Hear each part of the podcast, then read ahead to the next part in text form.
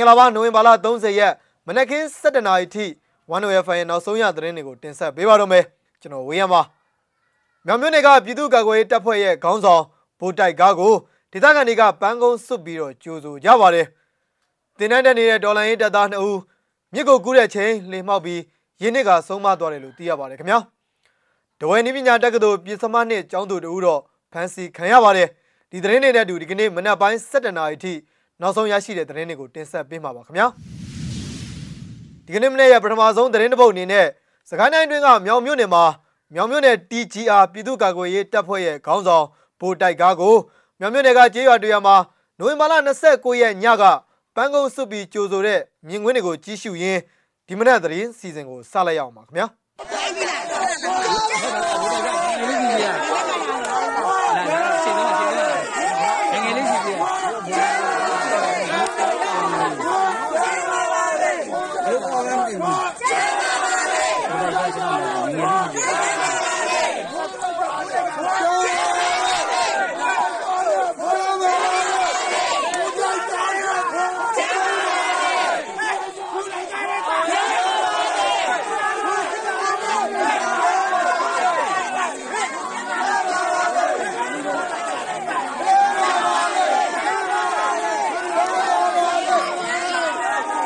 ရတယ်မိတ်ဆက်လို့ရတယ်ဗျာ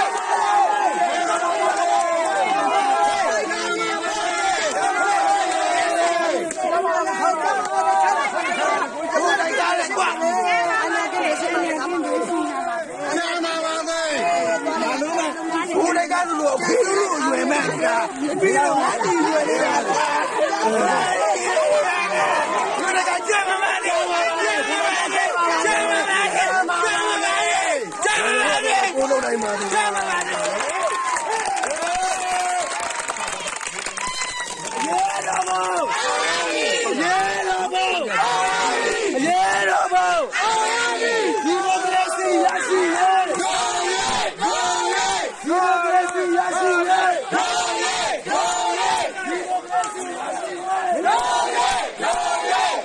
ဒီစ နဖောက်ပြန်ဒီစနဖောက်ပြန်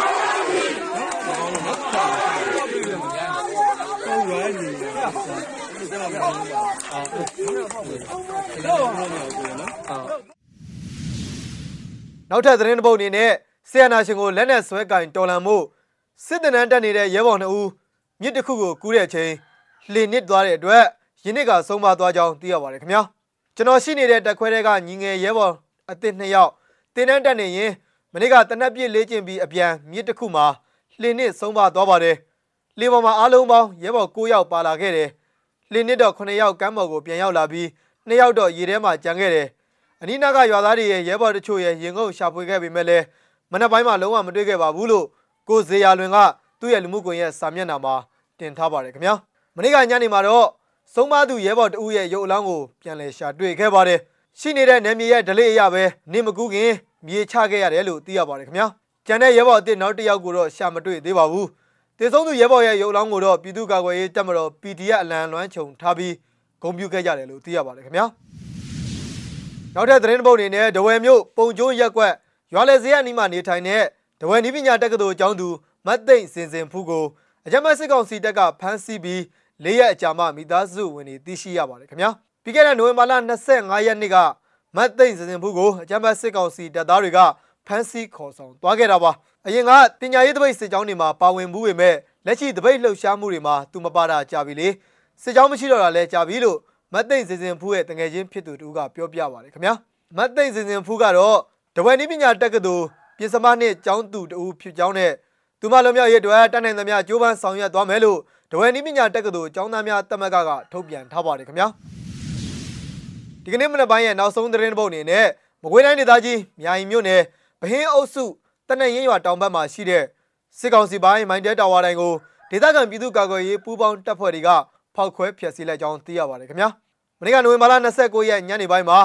ဂေါတော်မြိုင်နဲ့မြိုင် PDF အဖွဲ့ကမိုင်းနှလုံးနဲ့ဖောက်ခွဲဖျက်ဆီးလိုက်တာဖြစ်ပါတယ်အဲ့ဒီဘက်တွေကမှတ်တမ်းတင်ထားတဲ့ရုပ်တံဖိုင်ကိုလည်းကျွန်တော်တို့ကြည့်ရှုကြရအောင်ပါ